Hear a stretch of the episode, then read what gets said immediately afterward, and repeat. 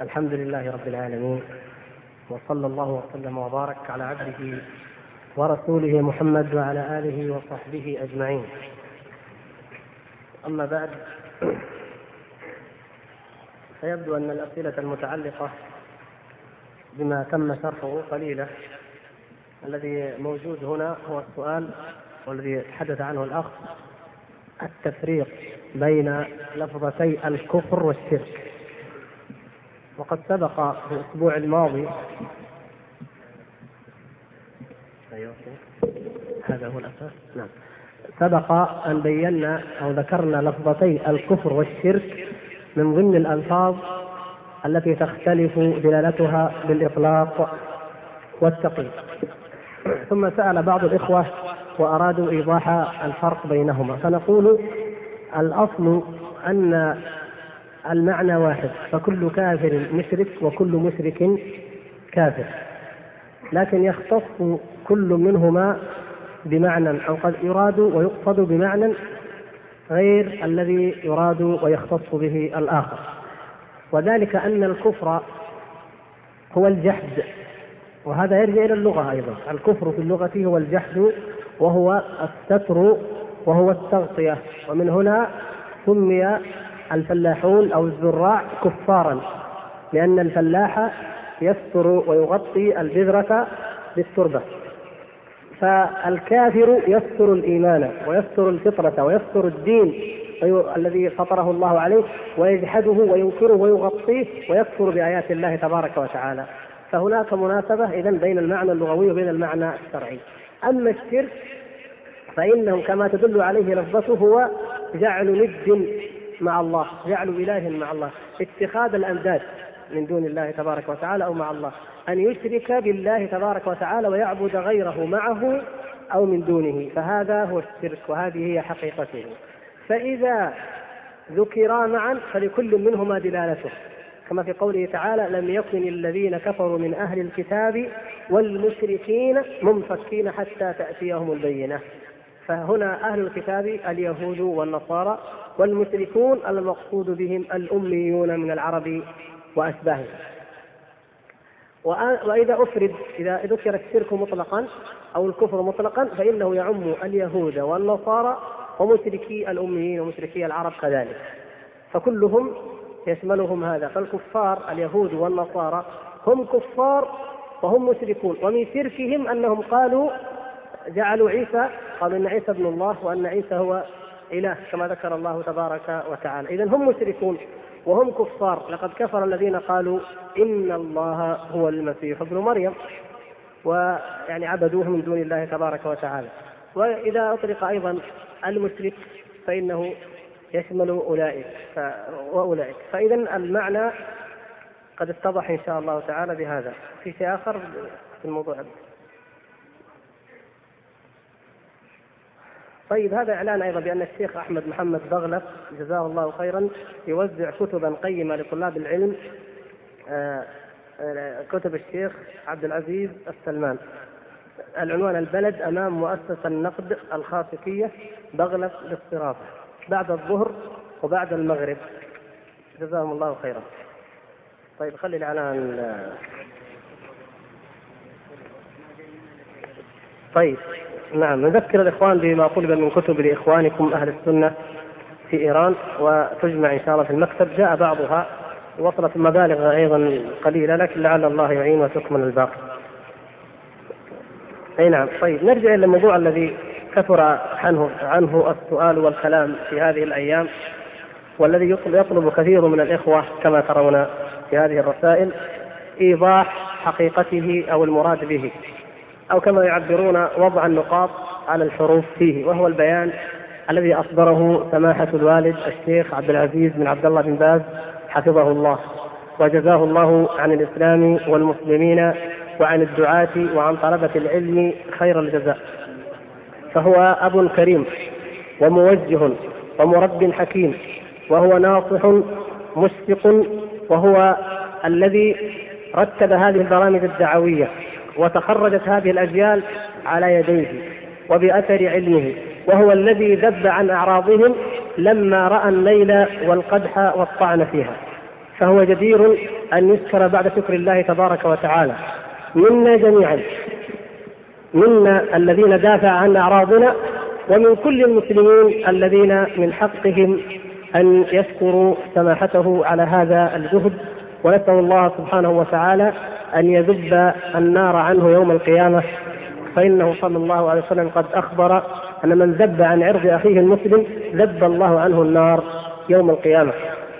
وهذا البيان في الحقيقة آه، ما كنت أريد علم الله وهو شهيد على ما أقول ما كنت أريد أن أتحدث ولا أن أبينه أنا بنفسي لما في ذلك من دفاع عن النفس ولأني كما تعلمون والحمد لله لا لا أريد ولم أكن يوم من الأيام لأجعل من نفسي أو من شخصي قضية لكم أو لأي أخ من الإخوان لأن أمر الدعوة أهم. نحن نجعل أنفسنا ودماءنا وأرواحنا وأموالنا وأعراضنا إن شاء الله فداء لدين الله ونسخرها لخدمة كتاب الله وسنة رسول الله صلى الله عليه وسلم. ونحن نحتسب كل ما يصيبنا من أذى في سبيل الله ونعلم أن الله سبحانه وتعالى قد قال وكذلك جعلنا لكل نبي عدوا من المجرمين وكفى بربك هاديا ونصيرا. فلا بد من العداوات ولا بد من الأذى ولا بد من الحسد ولا بد من ما يقع فيه أن يقع الناس دائما أو يقع الدعاة فيما وقع فيه الرسل صلوات الله وسلامه عليهم وأقوامهم من قبل. هذا أمر نحن والله نعلمه. ومنذ أن بدأنا طريق الدعوة ونحن موقنون به وكل ما يقع فلا لا نرى فيه جديدا أبدا. لكن الموجب لهذا الايضاح الموجب هو سوء الفهم والتفسير والتدليس الذي حصل نتيجة هذا البيان الذي أراد به سماحته أن يكون كالماء يطفئ النار. وهو كذلك والحمد لله. فإن كل طلاب العلم والحمد لله وأنتم منهم تعلمون ذلك قد عرفوا ماذا يريد الشيخ ومن يقصد وأطفأ الفتنة والحمد لله وأظهر الحق وأبانه ودافع عن المظلومين والمهضومين ونصح المعتدين والباغين بأجلى وأوضح بيان وعبارة. وإن كان قد ترك الأسماء فلمصلحة ولحكمة ولأن المقصود ليس هو الذكر بقدر ما هو بيان الحقيقة لمن يعلمها ومن لا يعلمها فهي موعظة عامة له. يعني من لم يعرف الأشخاص ويعرف القضية فهي موعظة عامة ونصيحة عامة يجب أن تؤخذ كما يؤخذ غيرها من النصائح. لكن لوجود بعض محامل السوء والتدليس سواء ما ظهر في بعض عناوين من عناوين في بعض الجرائد نقولها مع الأسف أو كذلك من بعض الناس الذين اشتروا افتراءات عجيبة وإن كانت نادرة وقليلة ولا يقبلها عاقل. يعني كقولهم إن الشيخ أراد بهذا الرد على الدعاة والانتصار للعلمانيين والعياذ بالله هل يعقل هذا؟ بعض العلمانيين قال هذا قال الآن بدأ يبين حقيقتهم وبدأ يصبحهم إلى آخر ما قالوا وافتروا مما لا يحت... يعني ذكره كاف في بيان بطلانه لكن لإيضاح ذلك أو لوجود هذا الاشتباه ولأن المسألة تحتاج إلى تجريه ليؤدي هذا البيان القيم العظيم حقه ودوره كاملا كما أراد منه كاتبه حفظه الله. فلذلك نقول إن المقصود أيها الإخوة بهذا هم فئة معدودة محدودة قليلة جدا والحمد لله من الدعاة كما بين حفظه الله لأنه قال إن كثيرا من المنتسبين إلى العلم والدعوة إذا قضية دعاة وطلاب علم. هذه فئة قليلة جدا يقعون في أعراض كثير من إخوانهم الدعاة المشهورين فالقضية بين دعاة. لا دخل لا للعلمانيين ولا للخرافيين ولا للمشركين ولا دعاة الشرك ليسوا من الدعاة ولا من إخوان الدعاة وإنما هم أعداء الدعوة. هذا واضح. إذا ما الذي فعل هؤلاء؟ وقعوا في أعراض إخوانهم طلبة العلم الدعاة المشهورين ولا بأس أن نسمي لأنه إن لم نسمي فلا لا تتضح الحقيقة. الدعاة المشهورين الذين تكلم في حقهم هم فضيلة الشيخ الأخ سلمان العودة حفظه الله. وفضيلة الأخ الشيخ عايض القرني حفظه الله. وفضيلة الأخ الشيخ ناصر العمر حفظه الله. وفي العبد الفقير الذي أمامكم الآن وكذلك تكلم في عدد أعراض كثير من الدعاء حتى لم يكد يسلم أحد من هؤلاء الناس. والأدلة موجودة.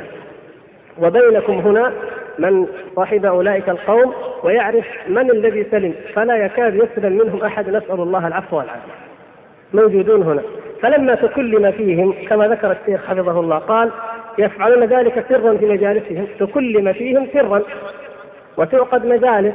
يأتي أحدهم من المدينة يعقد جلسة في جدة مع بعض الخاصة يذهب بعضهم إلى الطائف بعضهم ذهب إلى الشرقية بعضهم ذهب إلى حائل.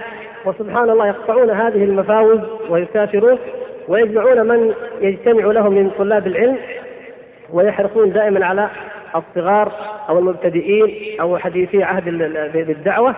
ويجلسون ويقول لهم فلان وفلان وفلان ويأتون بألوان من التهم والظلم والبهتان والافتراء الذي يعلم الله سبحانه وتعالى ويعلم خلقه الذين من أمثالكم.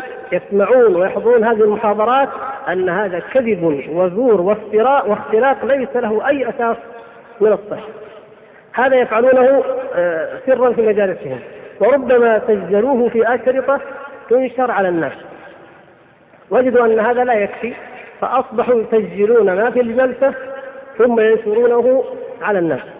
يأتي شاب قد يكون حديث عهد باهتداء يريد أن يعرف الحق. يريد أن يعرف طريق الجنة وطريق النار يقال له خذ هذا الشريط خذ واسمع يذهب يسمع ماذا ينتج؟ ماذا يحصل لديه إذا سمع الطعن في فلان وفلان وفلان وفلان؟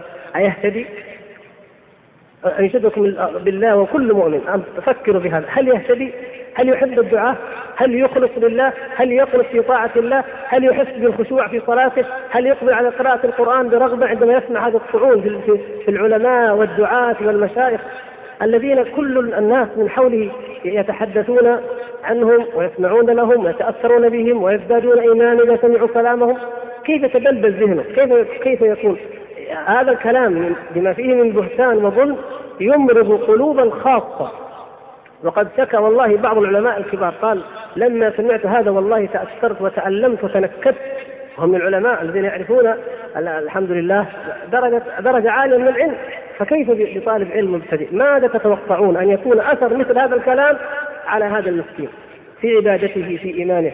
قد ينتكس وحصل وكتب إلي أن بعض حالات الانتكاس حصلت. قال كنا نثق في هؤلاء اذا لا خير في أولئك جميعا. وخاصة أن الطاعنين مجهولون. يعني أول مرة تجلس معه أو ربما يعني مرات.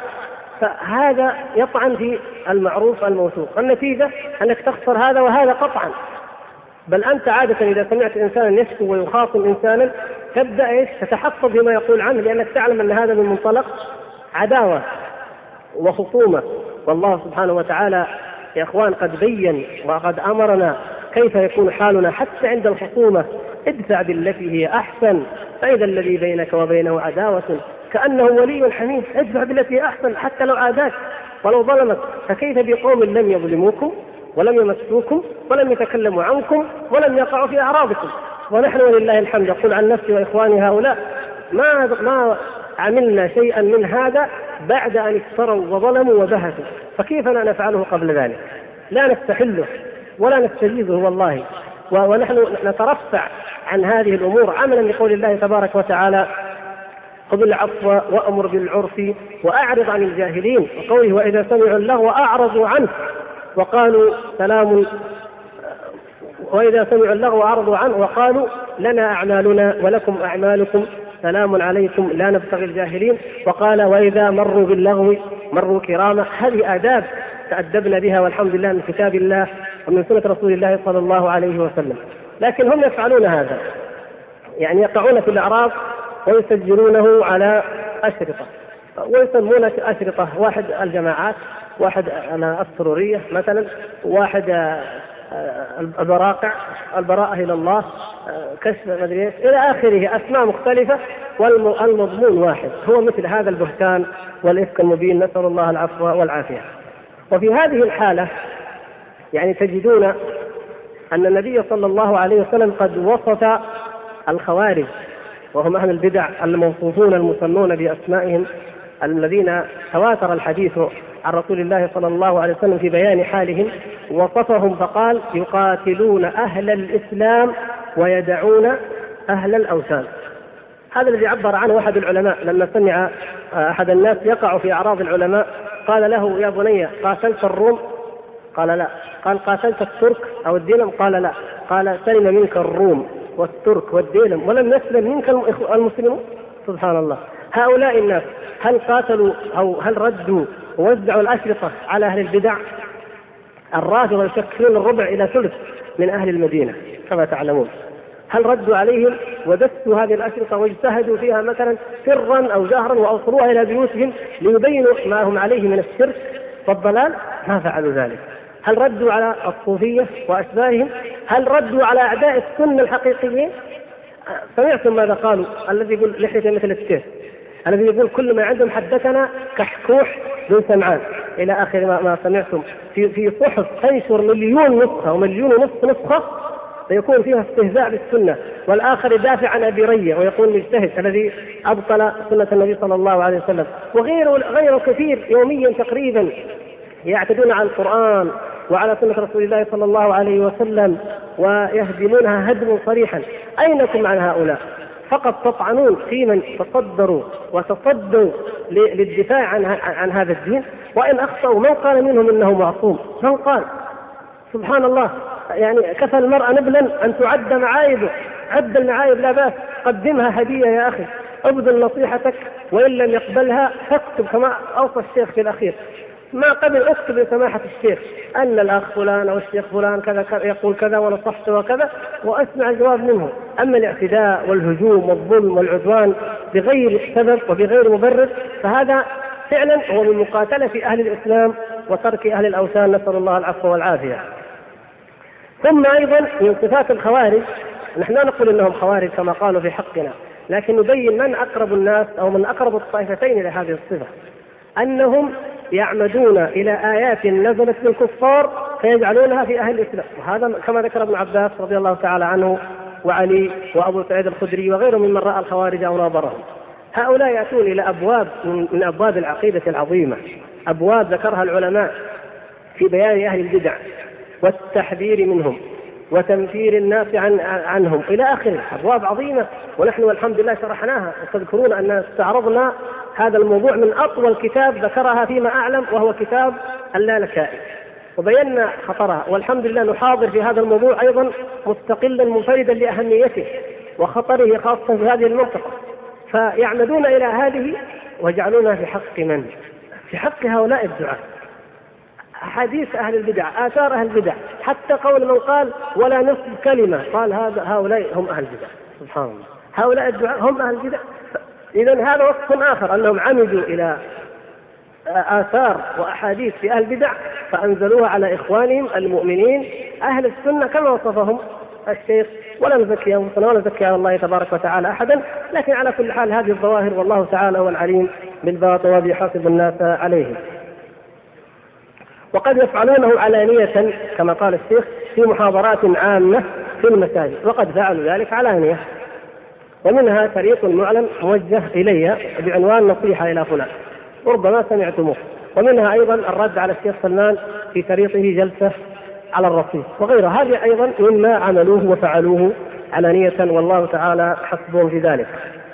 يقول وهذا المسلك مخالف لما أمر الله الله به ورسوله من جهات عديدة منها اولا أنه تعد على حقوق الناس من المسلمين بل من خاصة الناس من طلبة العلم والدعاة الذين بذلوا وسعهم في توعية الناس وإرشادهم وتصحيح عقائدهم ومناهجهم واجتهدوا في تنظيم الدروس والمحاضرات وتأليف الكتب النافعة.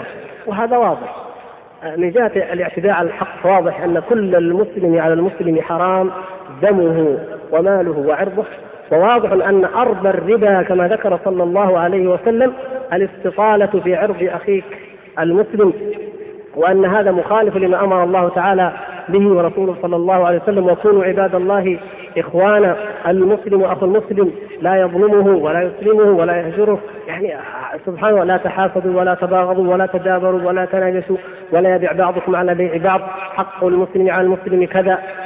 يعني براهين عظيمة موضوع واسع لو استطردنا فيه يدلك على عظم حق المسلم أي مسلم فكيف بمن كان من الدعاة إلى الله سبحانه وتعالى الذين نفع الله تعالى بهم بقدر وبحسب اجتهادهم وما بذلوا من دعوة أو محاضرة أو تأليف أو أي منفعة حصلت بها منهم للدعوة إلى الله تبارك وتعالى. ثانيا أنه تفريق لوحدة المسلمين وتمزيق لصفهم وهذا ما في شك أنه أنه واضح جدا من عملهم يقول الشيخ وهم أحوج ما يكونون إلى الوحدة والبعد عن الشتات والفرقة وكثرة القيل والقال فيما بينهم. تصوروا عندما تستمع إلى شريط دبلج واشرطه شيخ يتكلم وشيخ آخر يرد عليه وهذا يقول كلمة وهذا يرد عليه، أليس هذا هو المقصود؟ يعني فعلا كم يحصل من الشتات ومن الفرقة ومن القيل والقال ومن يسمع الشريط فإنه لا يخلو. إما أن يؤيد هذا أو يؤيد ذاك. مع أن كلا كليهما يعني كل منهما ليس مخالفا للآخر. مثلا محاضرة ألقيت قبل أربع أو خمس سنوات. اقتطع منها عبارة. ومحاضر آخر في موضوع آخر ألقى في مكان آخر بعد سنوات.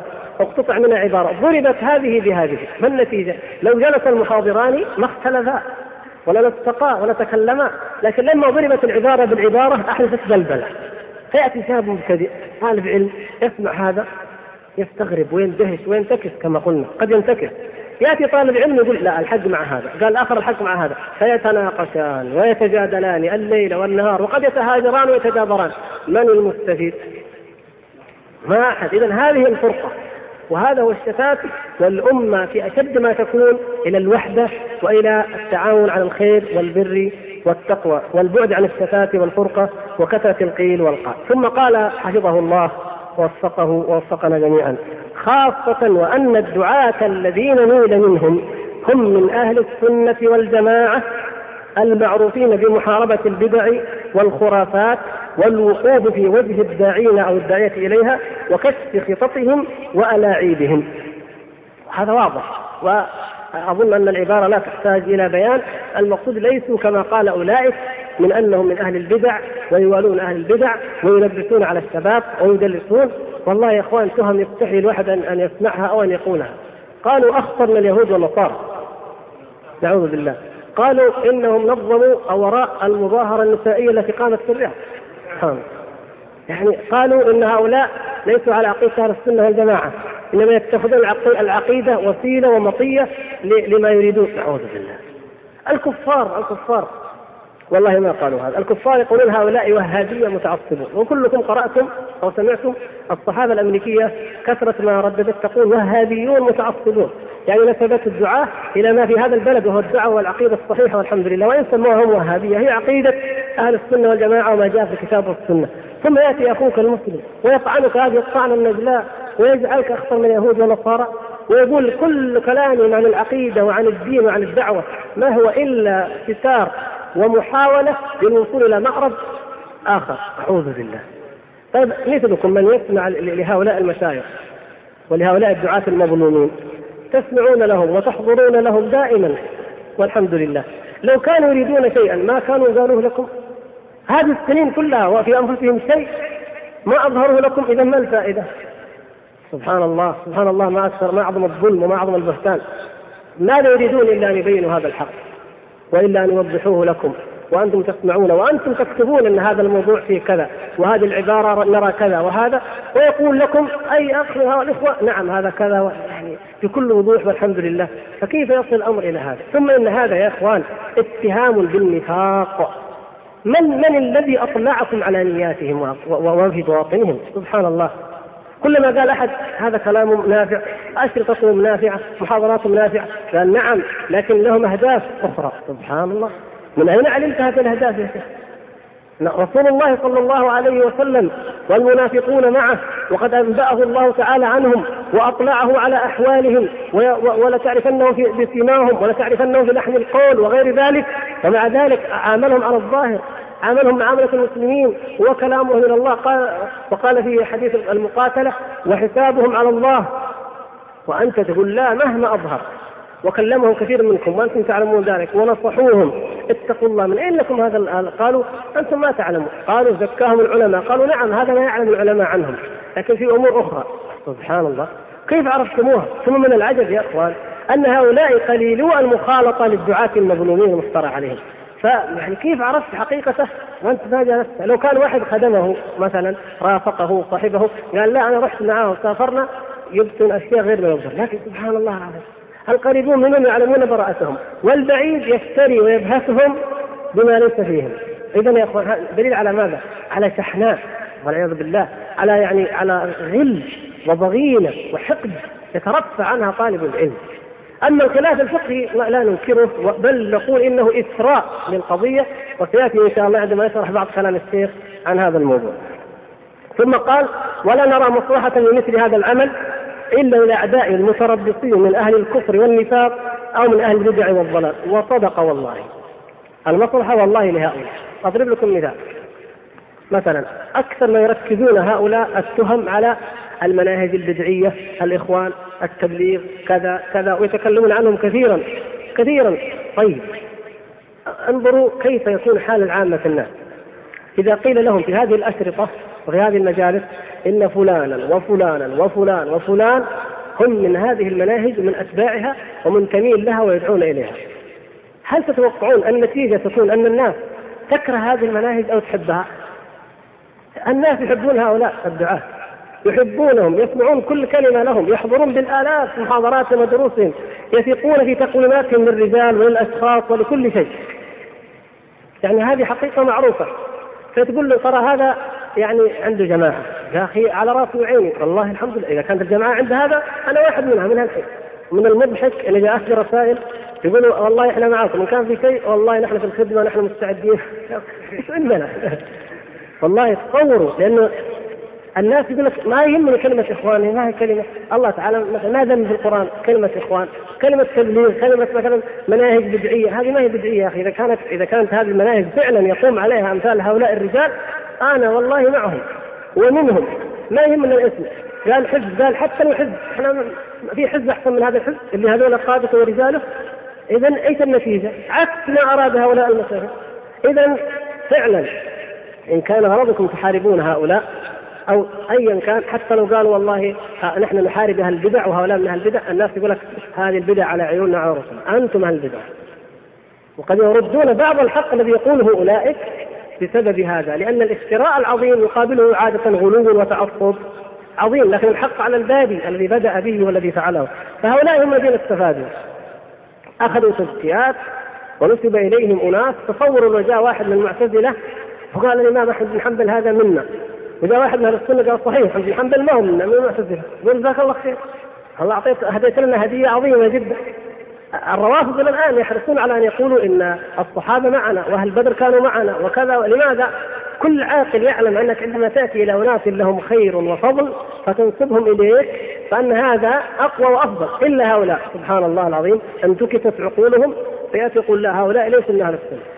ولهذا أحرجهم بعض طلبة العلم. قالوا طيب الآن عرفنا انني لو ذهبت إلى القصيم لن أحضر لا للشيخ سلمان ولا لمن كان على شاكلته وإذا ذهبت إلى جدة لن أحضر عند سفر الحوالي ولا عن مثله.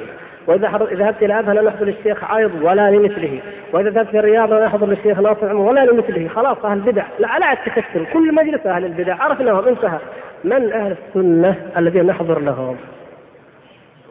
في هذه المدن مثلا الثلاثه أو الاربعه يعني موجودين بينوهم طيب فين فين؟ حتى لو قالوا فلان وفلان يا أخي فلان وفلان ما هم معادين لهم ويحبونهم ويقولون دروسهم أولى من دروسنا أو مثل دروسنا. والحمد لله من فضل الله يا إخوان ما تجد أي داعي يحمل غل ولا ضغين على أحد.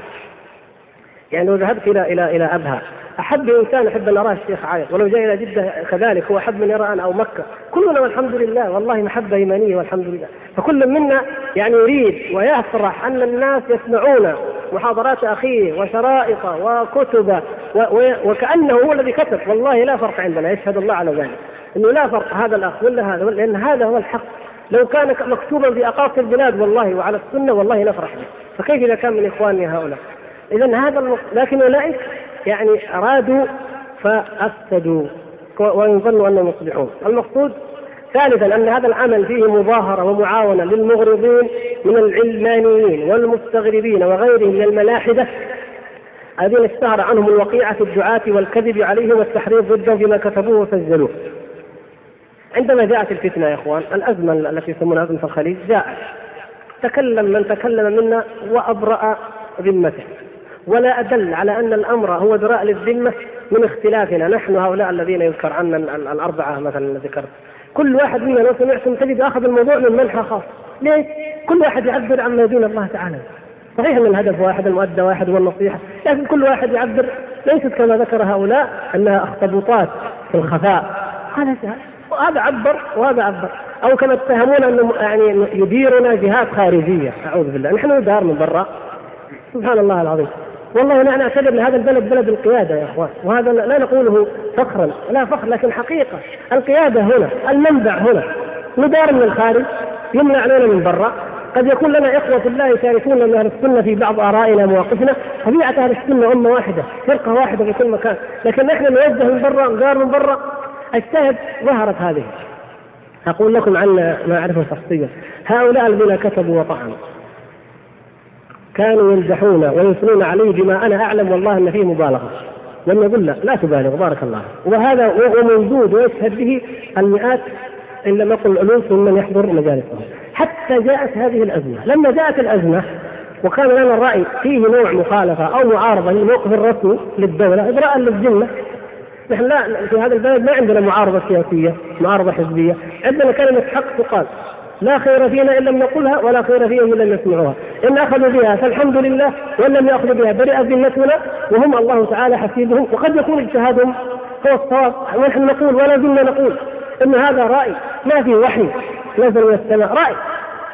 لما قلنا هذا الكلام انقلبت المحبة والمبالغة في المدح إلى عداوة مقيتة شديدة غريبة. سبحان الله. واشترك فيها الطائفتان حتى تعرف أن معاونة مظاهرة للمنظومه العلمانيه فياتي آه، غازي البصيري في كتاب آه، حتى لا تكون فتنة وافتتح هذه الفتنة سفر الحوالي بشريطه ففروا إلى الله ثم ثنى فلان وخص كل من الإخوة الثلاثة برد خاص مستقل ويوزع الكتاب بالكراتين. في نفس الوقت يوزع كتاب هذا الرجل وأمثاله في نفس الوقت أيضا تكيل الصحافة السب والشتم الصريح لحسن الترابي وراشد الغنوشي وعباس المدني وعلي بن حاج واتباعهم عندنا هنا. من هو الشيخ؟ ما أعرفه.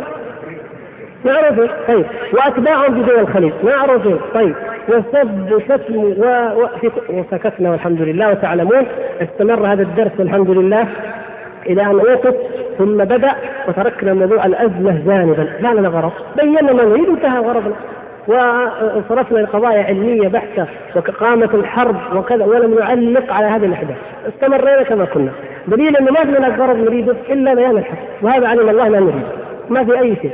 لكن العلمانيين فرحوا قالوا ها ما دام خالفوا الحكومة إذا يريدون الحكم يريدون الكراسي يريدون المناصب يريدون مثل الترابي مثل غنوش مثل عباس المدني وجاءوا ب لا. طيب في هذا الوقت بالذات والكتب كتب القصيد توزع وكلام الجرائد كل يوم إلا ما وفقه الله منها لا نعني الجميع طبعا تأتي الأشرطة وتوزع في وقت واحد اذا ماذا؟ هل المصدر واحد؟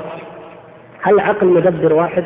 هل كذا؟ هل طيب نترك ال ال ال ال الكلام عما في الخفاء وعندنا حقائق لا نظهرها وقد نظهرها وقد يظهرها الله ولا نحتاج أن نظهرها نحن لكن نتكلم الآن عن الظاهر الظاهر أنك أنت والعلماني والملحد والمستغرب فعلا في صف ضد أخيك هذا المسكين اللي قال مرة كلمة وانتهى وقاعد تذبح فيه ليل نهار تصرخ فيه ليل نهار من أجل ماذا؟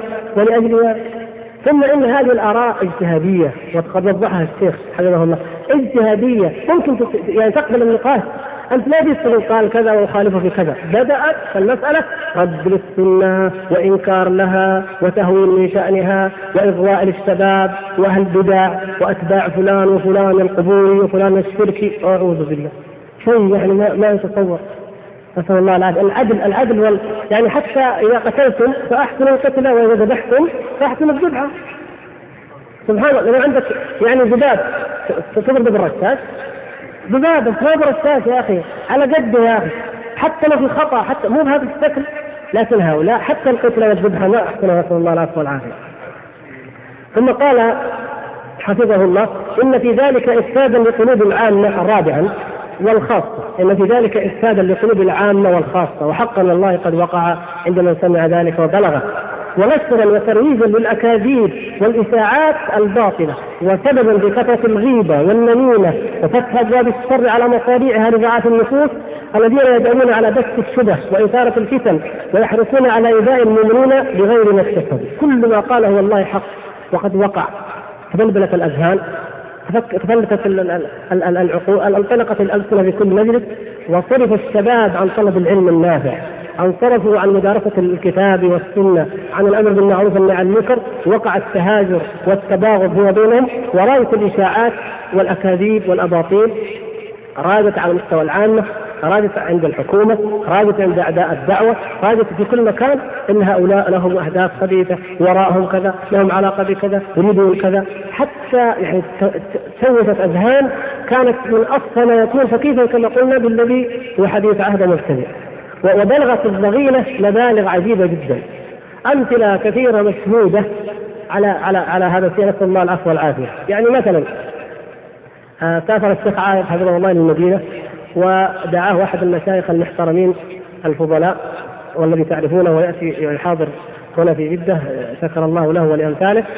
ودعاه وجاء أولئك أو بعضهم جاء من غير دعوة ودخل الشيخ. وكل الناس وأنتم كذلك. تفرح انك تشوف الشيخ؟ تفرح تسلم عليه؟ تفرح فيه كل واحد يقول أتمنى أنك تنزال فايز أو تدخل بيتي وهذا الحمد لله ملموس منكم جميعا لأن هذا من تباع الكرام ومن تباع المؤمنين والحمد لله. ويأتي هذا أحد أحد يرد ويجلس ولا يقوم ولا يسلم. وهو لم يدعى جاء بغير دعوة وأساء الأدب ولا وهذا شيء مشهود رآه الناس. سبحان الله. يا أخي هذه أليست هذه ضغينه أليست بلبلة؟ أليست هذه فعلا؟ يعني تفتح مثل هذا المجال. واحد آخر بلغه خطأ طبعا كذبا أن الشيخ سلمان العودة قد اعتقل. فسجد سجد شكر. والله نعم حصلت نسأل الله اعوذ بالله؟ شوف ضغينه هذه ما هي مخالفة لو كان كما يقولون خلاف فقهي طيب إذا بلغك أن الشافعي كلامه راجح ولا مالك مرجوح مثلا تسجد فقه لكن دليل إن هناك ضغينه وشيء آخر أكثر من قضية ان والله أخطأ أو أصاب أو مجتهد أو, أو, أو غير مجتهد. آه، بلغ التدليس والتلبيس شيء لا يطاق. لما أعرض عن الأشرطة ولم ينبه لها من كل العقلاء جاءوا إلى دار نشر آه، دار تسجيلات آه، تسجيلات إسلامية معروفة في جدة والحمد لله دائما تسجل المحاضرات الطيبة وتنشرها. ونحسبهم على خير ونذكر إلى الله تعالى. تسجل الشريط باسم هذه الدار. يا أخي تجمع حسنة وسوء كيلة ظلم وبهتان وافتراء وبلبلة وغيبة ونميمة. ثم تنسبها زورا أخ لك في الله. ما ما علم هذا ولا أقره ولا يرضاه ولا سبحان الله بالله يفعل هذا إنسان يخاف الله عز وجل. وشريط يوزع بكميات منسوب إلى هذه الدار والذي فعلته أو دار أو تفسيرات أخرى في المدينة. سبحان الله. هل فعلا هذا هذه مجرد خلاف؟ كما يقول بعض خلي بعض يرد على بعض. الرد على عيوننا رد خالص ناقص. لكن لماذا تحسب وتحمل إلى حد أن الإفك والبهتان يجمع أيضا تزويرا وينشر باسم هذا التضليل باسم هذا التزوير هذه أمثلة اضاحيه صغيرة لما يعني ذكر الشيخ. خامسا يقول حفظه الله إن كثيرا من الكلام الذي قيل لا حقيقة له وإنما هو من التوهمات التي بينها الشيطان لأصحابهم وأغراهم بها. وسبحان الله انطق الله بعضهم فقال والله هذه أوهام. أوهام. أهل البدع يلقون بيننا الأوهام حتى يفرقوا بيننا. لكن بعد فترة رجع إلى الأوهام. هذه كما قالت هذه أوهام وخيالات. مثلا وهم الحزبية. أن هناك حزب وهمي يسيطر على هذا الكون يدير الكون. يقول لك هذا كلهم التراب والفقير والغنوشي جبهة الإنقاذ وذا وذا. هذه خيالات الغربيين وضعوا فيلم فيلم عن أحداث آخر الزمان من نبوءاتهم الباطلة إنه فعلا الشرق يقوم ويجتمع ويحارب الناس. يعني أوهام أحد الكهان اسمه نسترادامس مات في القرنين. هذا الوهم ركبوه بعض الإخوان كذا وصارت بس أحيانا يقول كلمتين كلمة الإخوان بعبع الإخوان. بيننا هنا إخوة سودانيين مثلا كمثال اسألوا اسألوهم هل فعلا الترابي فعلا ينتمي منهج حسن البنا في القدس والإخوان؟ والا مخالف وخرج مدرسه مستقله. أي إخوة جزائريين موجودين جزائريين، هل عباس مدني فعلا من الإخوان ولا في في منهج مدرسة أو اسم حزب الإخوان مستقل تماما في الجزائر عن شبهه الإنقاذ. مستقل تماما. والجبهة التي ان شاء الله سنعقب عليها ان امكننا على موضوع نتائجها وما لنا وما علينا من ملاحظات عليها مستقلة وليس لها علاقة بالإخوان ولا صلة بهم. ابدا مثلا الكل هذول بعبع سموها الإخوان برا. ثم قالوا وهؤلاء الإخوان تعاونوا مع مين؟ مع صدام. ثم قالوا والذين هنا تحفظوا على وجود القوات الأمريكية والأجنبية اذا هم صداميون وإخوة. شوف الوهم كيف؟ فصار كل حاجة تقع وراءها فلا. جاءت حادثة سولر وراءها مين؟ الإخوان. يا أخي اصبروا اصبروا يا أخوان. نحن والله مع أهل السنة وسننصرهم بإذن الله وسنجتهد لكن خلونا نتفاهم الموضوع. نعجل كذا على طول وراءها فلان بدون أي ابدا أي حاجة تقع. قبل أن يسمعوا ما تفاصيله وراءه الإخوان. والله من المضحكات انه حتى البيان هذا قالوا الإخوان لبسوا على السيف وضحكوا عليه وطلعوا. أي والله واسألوا إن شئتم. اذا يعني شيء يعني ماسونيه يعني أو أو إيش بعبع رهيب لا حقيقة له. كل الدنيا تدار بهذا الشكل الوهمي. فهذه التوهمات التي يعني مثل هذه. وهم آخر توهموه معاداة العلماء أن هؤلاء يعادون العلماء يعادون العلماء. سبحان الله. نحن والحمد لله كل أربعة أسابيع نحن رابع كل رابع أسبوع نحن في اجتماع مع سماحة الشيخ والحمد لله. دائما من بعد الأزمة هذه ونحن والحمد لله كل رابع أسبوع وغير اللقاءات التي تقع أحيانا في يعني بعد أسبوعين أو أقل من ذلك، غير الاتصالات، غير المراسلات، غير المشاورات في أمور الدعوة، غير ما نعطيهم القوايا تعطونا إياها هنا ونرفعها لسماحته. آه سماحة الشيخ محمد بن حفظه الله، تعلمون والله يشهد على ذلك أيضا حبنا وصلتنا له وفرحنا بمجيئه وكل العلماء متى؟ وين الوعد؟ يجيبون لك في الشريط كلام ضد العلماء، تسمع الكلام الله أي يا شيخ كلام ثناء ومدح والحمد لله ما في أي شيء. طيب لو فرضا أحد منا استدرك خالف بعض العلماء في فتوى هل هل يغضب العالم؟ ما يغضب. نفس الشيخ عبد العزيز كما قال هنا قال فيما يسوق فيه الاجتهاد لا يؤاخذ ما في شيء. وخاصة إذا لم يسمى إذا قيل مثلا عند بعض العلماء كذا أو بعض العلماء مثلا مثلا فعل كذا ولكن البعض الآخر طبعا ما فعل. هل هذا يعني المعاداة والطعن والتجريح للعلماء؟ لا والله. ونحن والحمد لله معهم ونحن ابنائهم ونحن طلابهم. وكما قلت من الأقوال التي يقولون إني قلت يعني لما قلت وما كان فينا من خير فهو من فضلهم ومن تربيتهم. حتى هذا القول جعلوه ضمن ما يقال إنه يعني عداوة للعلماء. سبحان الله العظيم. يعني تقلب العبارات وتؤول تقلب الحقائق. نسأل الله العفو والعافية. فهذا من سوء الظن. ومن الافتراء ولذلك يعني من هذا سيقول الشيخ والمؤمن ينبغي أن يحمل كلام أخيه المسلم على أحسن المحامل. وقد قال بعض السلف لا تظن بكلمة خرجت من أخيك سوءا وأنت تجد لها في الخير محملا. ظن به الخير يا أخي؟ حتى لو قال أنا هذا الحديث ما أعمل به. ظن به الخير؟ بل لعله عرضه حديث آخر عرضه آية يعتقد أن هذا الحديث منسوخ. لا تقول رد السنة. حتى لو كذا قال لا أعمل. بس. أحمل لها المحمل. المصيبة يا إخوان ما وقفوا عند التأويل وعند المحمل السيء. بل ضربوا عبارة قطعوها وبعبارة أخرى قطعوها. يعني ويلا للمصلي. بس وقف. يعني المصلي يدخل النار. لو وقفت عند هذه الآية يا أيها الذين لا تقربوا الصلاة. بس وقطعها. سبحان الله. كان فين الكلام الأول؟ المحاضرات كلها. لا يهمهم هذه اللقطة هذه الفقرة. ويردون عليها وهذا هو الذي يريدون نسأل الله العافية فتعدوا سوء الظن و و وما نهى الله تعالى عنه من اجتنابه إلى التلفيق المتعمد للأكاذيب والأباطيل. ثم قال حفظه الله تعالى ورعاه سادسا وما وجد من اجتهاد لبعض العلماء وطلبة العلم فيما يسوغ فيه الاجتهاد كمسألة الاستعانة بالكفار مثلا مسألة اجتهادية وخلاف فيها قديم فإن صاحبه لا يؤاخذ به ولا يثرب عليه إذا كان أهل الاجتهاد فإذا خالفه غيره في ذلك كان الأجدر أن يجادله بالتي هي أحسن. الله تعالى يقول ولا تجادلوا أهل الكتاب إلا بالتي هي أحسن. نحن نقول إخواننا العاملون مع أهل الكتاب طيب. إذا كان تقول إلا أهل بدع وإلا مضلين طيب يهود نصارى جادلوا بالتي هي أحسن. لماذا التهم والتلفيق هذا؟ من فضلك اقلب الشريط. الله تعالى يقول ولا تجادلوا أهل الكتاب إلا بالتي هي أحسن. نحن نقول يا إخواننا العاملون مع أهل الكتاب طيب. إذا كان تقول إلا أهل بدع وإلا مضلين طيب يهود نصارى جادلوا بالتي أحسن. لماذا التهم والتلفيق هذا؟ يقول حرصا على الوصول إلى الحق من أقرب طريق ودفعا لوساوس الشيطان وتحريشه بين المؤمنين فإن لم يتيسر ذلك وراى أحد أنه لا بد من بيان المخالفة فيكون ذلك بأحسن عباره وألطف اشاره، شوفوا كيف التعبيرات. جزاه الله خير، ودون تهجم أو تجريح أو شبك في القول قد يدعو إلى رد الحق أو الإعراض عنه، ودون تعرض للأشخاص أو اتهام للنيات. اجتمعوا وأخذوا معهم غيرهم وبعضهم هم قلة جدا يعني.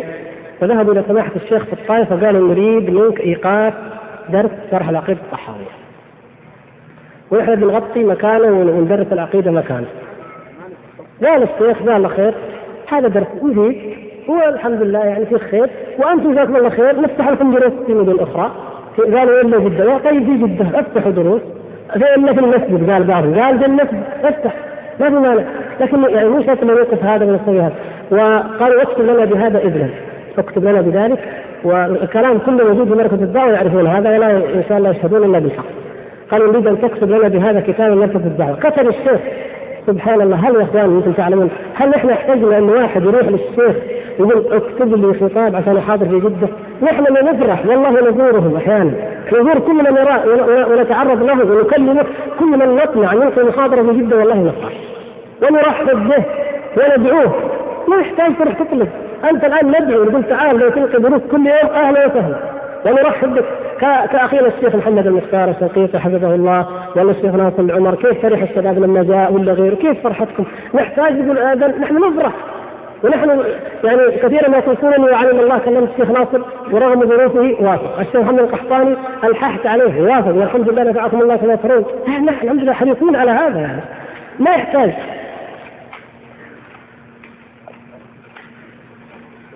الشاهد ليس هنا، الشاهد اشترط عليه سماحة الشيخ ولكم أن تسألوه قد قال هذا امام جمع كبير من الدعاة أن لا يتعرضوا للأشخاص ولا للمشاكل هذه، يتكلم في التوحيد والعقيدة والدعوة. قال الحمد لله.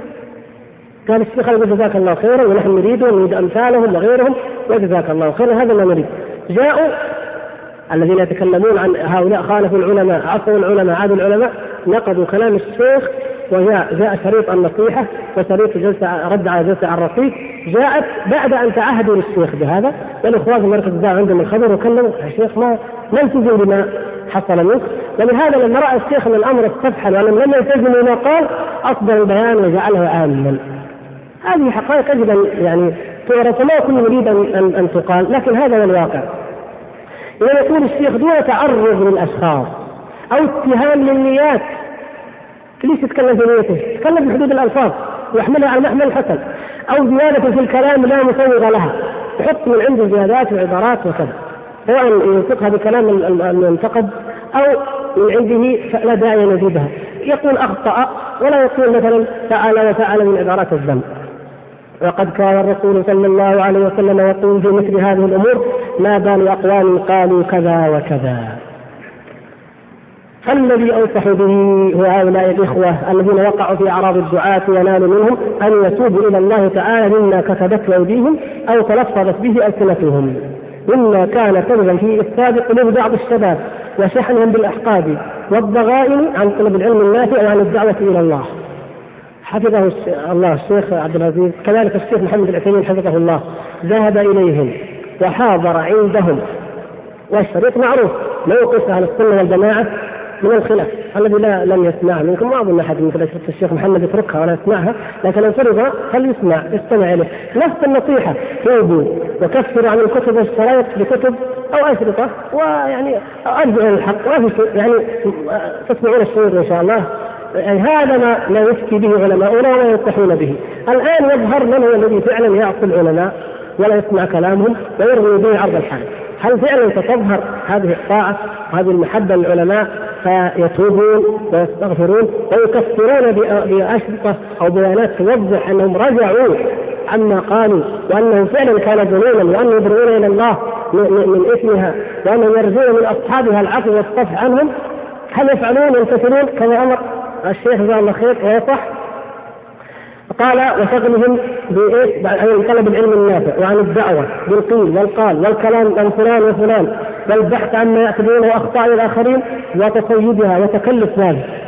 وهذا والحمد لله ما قلته وفيكم والحمد لله من سمع ذلك وجاءني مرارا يقول يا شيخ ماذا نفعل؟ قلت أطلب العلم النافع وأحرص عليهم الكتاب والسنة والحمد لله العلماء كثير خذ منهم واستفد واترك هذا الموضوع ولا تشغل نفسك به ولا إخوانك ولا تسير في اي مكان هذه نصيحة اكررها لكل أو لأكثر من يأتيني ما لم يلح الإنسان ان أن يأخذ أو يعرف بعض ما جرى فأعطيه بأقل علم الله ما أريد وأنا كاره لكن يعني لكله حتى لا نشغل الإخوة عن قضية أساسية ومهمتنا الدعوية بهذه التي أشار إليها الشيخ حفظه الله.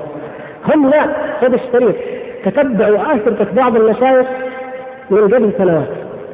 اخذوا الاشرطه الأولى من قبل الأحداث ويربطوها بالأحداث، طيب افرض ان واحد قبل الأحداث قال كلام هو يعلم الغيب مثلا يعني كلمه قد تفهم كذا. وجاءوا ربطوا هذا بهذا ركبوا منها موقفا غير الموقف الذي وقفه بكل وضوح وبكل علانية. جعلوا موقف آخر وثالث ورابع. فاشغلوا الشباب بها. شباب بعضهم كما ذكر لي احد الإخوة لعله بينكم الآن. يقول هذا زميل لي في العمل في مؤسسه حكومية كبيرة بجدة ملأى بالمنكرات من كل ما تتخيل المنكرات موجودة فيها. قال هذا الأخ يعمل عندنا في المكتب. في المكتب عندنا من لا يصلي مطلقا. وعندنا الكفار وعندنا من يروج الكتب الشرك وأمثالها. هذا الأخ نهايه الأسبوع يروح المدينة يروح أحيانا الحائل يروح يروح. ليش؟ يجمع شريط من هنا وكلمة من هنا يودي كلمة يجيب كلمة. فادعو إلى الله يا أخي في العمل عندك. قال قال صح يا أخي ادعو إلى الله في, الإدارة هذه. أما عن المنكر هنا ما لكم عن اعراض الناس والقيل والقال. خذوا هذا نموذجا مثل ما ذكره الشيخ حفظه الله من هذا الشباب. قال كما أنصحهم أن يكفوا عما فعلوا بكتابة أو غيرها بكتابة أو غيرها. مما يبررون فيه أنفسهم من مثل هذا الفعل ويزيلون ما علق بأذهان من يستمع إليه من قولهم وأن يقبلوا على الأعمال المثمره التي تقرب إلى الله وتكون نافعة للعباد. وهذا نصيحه لنا جميعا أن نقبل على ذلك إن شاء الله ونضرب نضرب صفحا عن كل هذه الأمور. وأن يحذر من التعجل في إطلاق التكفير أو التصديق أو التبديع أو التبديع لغيرهم بغير بينة ولا برهان. وقد قال النبي صلى الله عليه وسلم من قال لأخيه يا كافر فقد باء بها أحدهما. ومن قال لأخيه يا خارجي نفس الشيء؟ يا كافر أو يا فاسق يا خارجي يا كذا يا عدو السنة يا كل هذا يا متفكر بالعقيدة. أي كلمة من وجود في اشرقتهم من قالها فاحدهما باء بها. إن هذا وإلا ذاك نسأل الله يحفظنا وإياكم من اللغو والاتهام نعوذ بالله. قال الشيخ حفظه الله ومن المشروع لدعاة الحق وطلبة العلم إذا أشكل عليهم الأمر من كلام أهل العلم أو غيرهم أن يرجعوا فيه إلى العلماء المعتبرين ويسألوهم عنه ليبينوا لهم جلية الأمر ويوقفوهم على حقيقته ويزيلوا ما في أنفسهم من التردد والشبهة عملا لقول الله عز وجل في سورة النساء وإذا جاءهم أمر من الأمن أو الخوف أذاعوا به ولو ردوه إلى الرسول وإلى أولي الأمر منهم لعلمه الذين يستنبطونه منهم ولولا فضل الله عليكم ورحمته به لاتبعتم الشيطان إلا قليلا. والله المسؤول ان يصلح أحوال المسلمين جميعا وأن يجمع قلوبهم وأعمالهم على التقوى وأن يوفق جميع علماء المسلمين وجميع دعاة الحق بكل ما يرضيه وينفع عباده ويجمع كلمتهم على الهدى ويعيدهم من أسباب الفرقة والاختلاف وينصر بهم الحق ويخذل بهم الباطل. إنه ولي ذلك والقادر عليه. وصلى الله وسلم على نبينا محمد وآله وصحبه ومن اهتدى بهداه إلى يوم الدين. في 17 6 1412 عبد العزيز بن عبد الله بن باز الرئيس العام لإدارات البحوث العلمية والإفتاء والدعوة والإرشاد. حفظه الله ورعاه وشكر له وجزاه عنا كل خير. وكل من يحبنا منكم فحق ودين عليه أن يشكر سماحته بأي وسيلة. برقيا هاتفيا بالفك.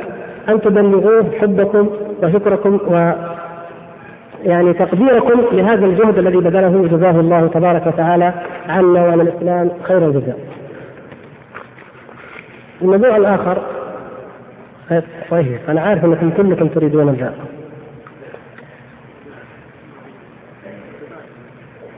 موضوع حدث الساعة كما يسمى في الشرق والغرب هو موضوع الجزائر. آه، طبعا نحن مبدئيا تعلمون الديمقراطية نعتقد أنها كفر هذا ما في عندنا فيه أي شك. نعتقد كذلك أن قيام الإسلام في الأرض ليس بهذه الطرق وبهذه الوسائل بالضرورة بل الطريق الصحيح. والمنهج الحق هو الدعوة وطلب العلم ونشر الفقه في الدين وتربية الناس على ذلك وحثهم على الأمر بالمعروف والنهي عن المنكر إلى أن تأتي مرحلة تمايز الصفوف إلى أن يأتي الجهاد في سبيل الله وإقامة الدين. بعد البيان والحجة وإبلاغ الحق هذه يعني بدهيات معروفة والحمد لله. لكن نحن نتكلم عن واقع عن قضية واقعة أمر واقع قد وقع. لم يكن هناك مناص أو مفر من أحد أمرين. إما أن تقع أحداث كأحداث تونس. هل تعلمون ما هي أحداث تونس؟ في تونس الآن ما لا يقل عن خمسين ألف معتقل ومعتقلة. ويعذبون بأشد أنواع التعذيب التي كانت أيام جمال عبد الناصر نافذة عن الجحيم وأمثالها كتبوا عن هذا. شيء فظيع وتواتر ونقله الثقات من الإخوة السلفيين الموثوقين بعقيدتهم ونقلهم والله وكتبوا ذلك وعندي أشياء كثيرة يعني مؤلمة مقلقة. والله تطير النوم تذهب الراحة من القلوب. ويعني ما أحب أن أنكد واغط عليكم بذكر التفاصيل. المقصود كان يعني هذا احتمال. هذا يعني حل. لو تسيطرت الجبهة الخبيثة الاشتراكية الحاكمة أو الجبهة الأخرى جبهة القوى الاشتراكية وهذا ما يريدون يفعلوه.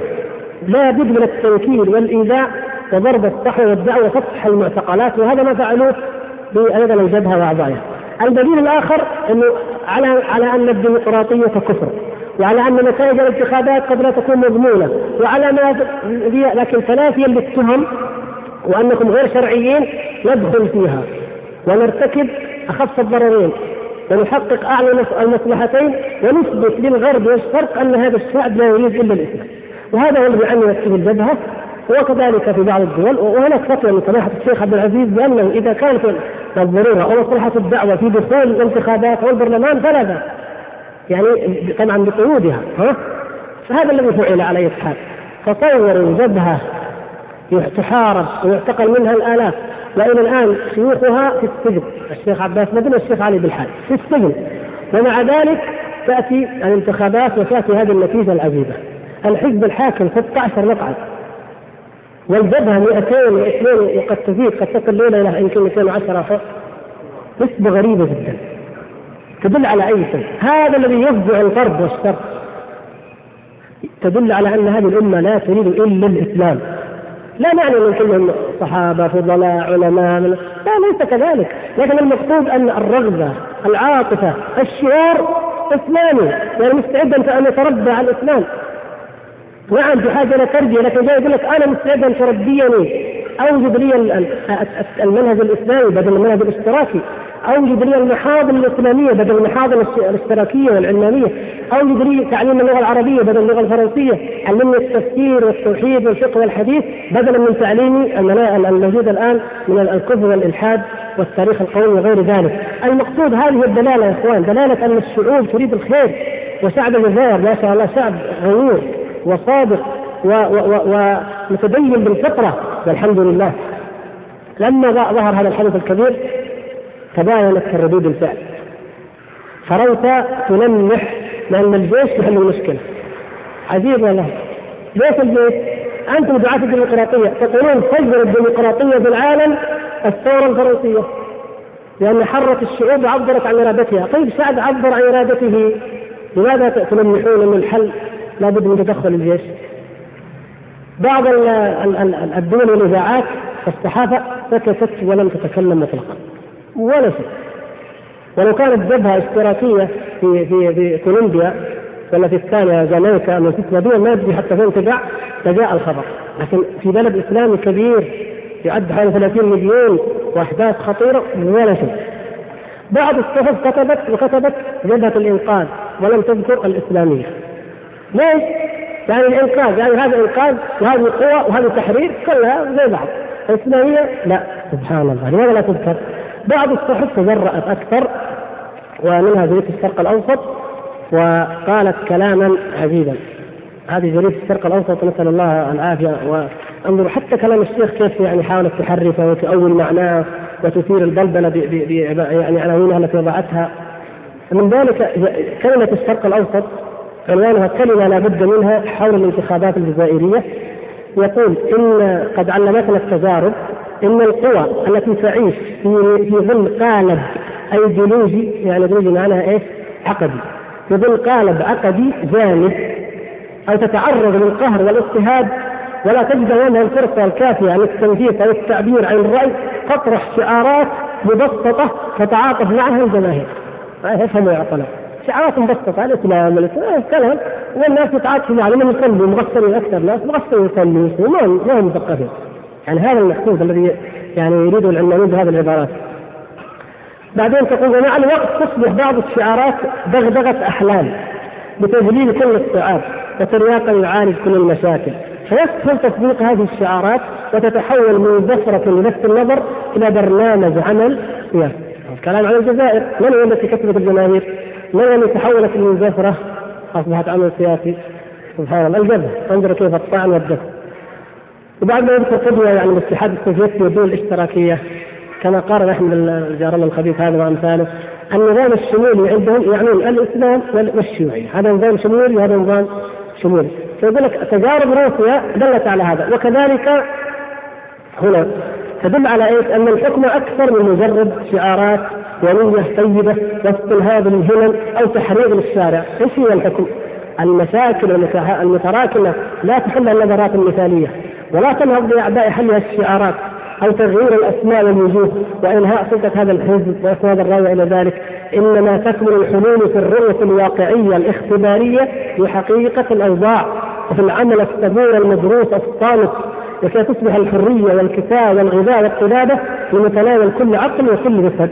يعني أبعد الدين نظرة مادية بحتة تأمل الغذاء وتامل الدواء وتأمل هذا هذا الذي يعني يعني النموذج الغربي الامريكي الدول الغربية تأمل المواطنين الغذاء والدواء والراحة والحرية حرية يتعرى يزني يسكر يعربد هذا هو النموذج. أما الشعارات والدغدغه الدين والإسلام هذه يقول ما تصلح ولا يريدونها لا في الجزائر ولا طبعا في أي مكان على حسب رأي الجريدة.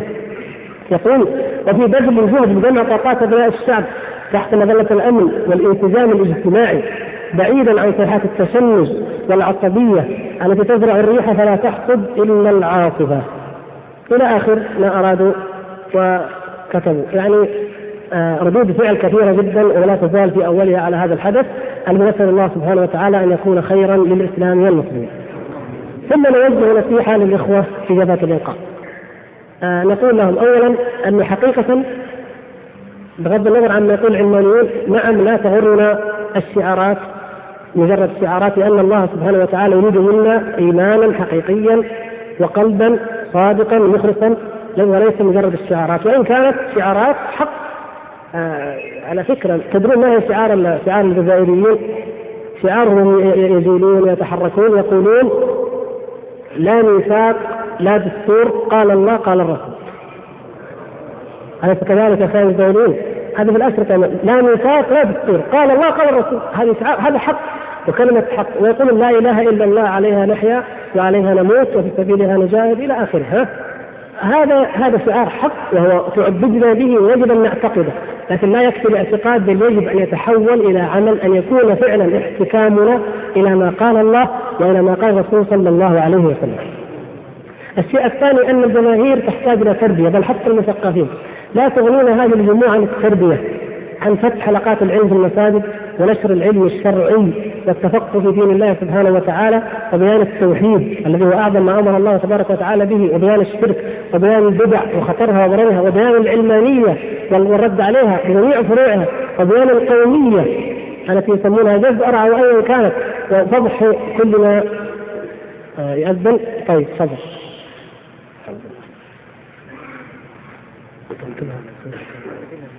هنا؟ طيب. الحمد لله. آه نعود ونقول نختصر طبعا المهم يا إخوان ان ننصح الإخوة في الجبهة وفي كل مكان بأن نتمسك بكتاب الله. ها؟ طيب أن نتمسك بكتاب الله وسنة رسوله صلى الله عليه وسلم. وإنها أمانة عظيمة حملوا اياها فازوا في الانتخابات أو ما فازوا ما هي القضية؟ فازوا في المرحله الأولى أو الثانية ما هي القضية؟ وصلوا للحكم أو ما وصلوا؟ أنا أقول ليست هذه القضية. القضية أنكم حملتم الآن أمانة عظيمة. أنتم خاصة أيها الدعاة في الجزائر ونحن الدعاة في كل مكان أمام هذا الشعب الذي تخرج هذه الملايين وتقول لا نريد إلا قال الله قال والله أمانة عظيمة يا إخوان. أن نرسل لهم الكتب أن نبعث لهم بالأشرطة وهم الحمد لله يتلقفونها كما يتلقف العطشان الماء البارد. في في كل منطقة في كل ولاية من ولايات الجزائر أن نمدهم بالدعاء. ادعوا لهم دائما أن الله تعالى ينصرهم والله إنه لفتح كبير أن تقوم دولة للا إله إلا الله على منهج السلف الصالح والخلافة الراشدة في الجزائر نرجو أن تكون كذلك إن شاء الله. فتح كبير. فادعوا لهم يا بالتوفيق والسداد والتثبيت. وقوموا بالواجب بارك الله فيكم، لا يكفي النقد أنا أقول عن نفسي سهل انتقدهم وأبين خطأ كثير في برامجهم. سهله لكن ليس هذا المطلوب ليس هذا المفترض. بل أن أنصح وأن أسدد وأن أؤيد وأن أقول لهم ما أستطيع واوصل وأبلغ ما أستطيع مما فيه خير وخير الاسلام والمسلمين لله الحمد جميعا. ثم ننصح الأخوة الصحفيين في بلادنا أن يتقوا الله وأن يعطونا معلومات عن هؤلاء الناس. وان يتركوا التجريح خاصة الشرق الأوسط. تجرح وتشهر ومثل هذا الكلام. وضحوا لنا هؤلاء. لماذا لا لا يسافر مندوبون جرائدنا ومنها عقاب وخص عقاب لها مندوبين في كثير من أنحاء العالم، لماذا لا يذهب المندوب يتقابل مع قاده الجبهة؟ وتنشر مقابلات في صحفنا ويبين من يدعون إلى الله.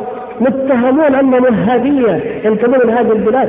وعملاء لها. ونحن لا نتعاطف معهم بمقابلة بكلمة. قوتنا في من إن لم تكن في الله. نحن يعني البلد هذا محط انظار الناس. أي شيء إسلامي قبلته وقبلته هذا البلد. يريدون يسمع منا أي شيء. كلمة واحدة منا صغيرة يعني يعملون بها شهورا وأياما وليالي. أرجو أن تكون هذه النصيحة لها قبول عند أولئك. هذا وصلى الله وسلم وبارك على عبده ورسوله محمد وعلى آله وصحبه أجمعين.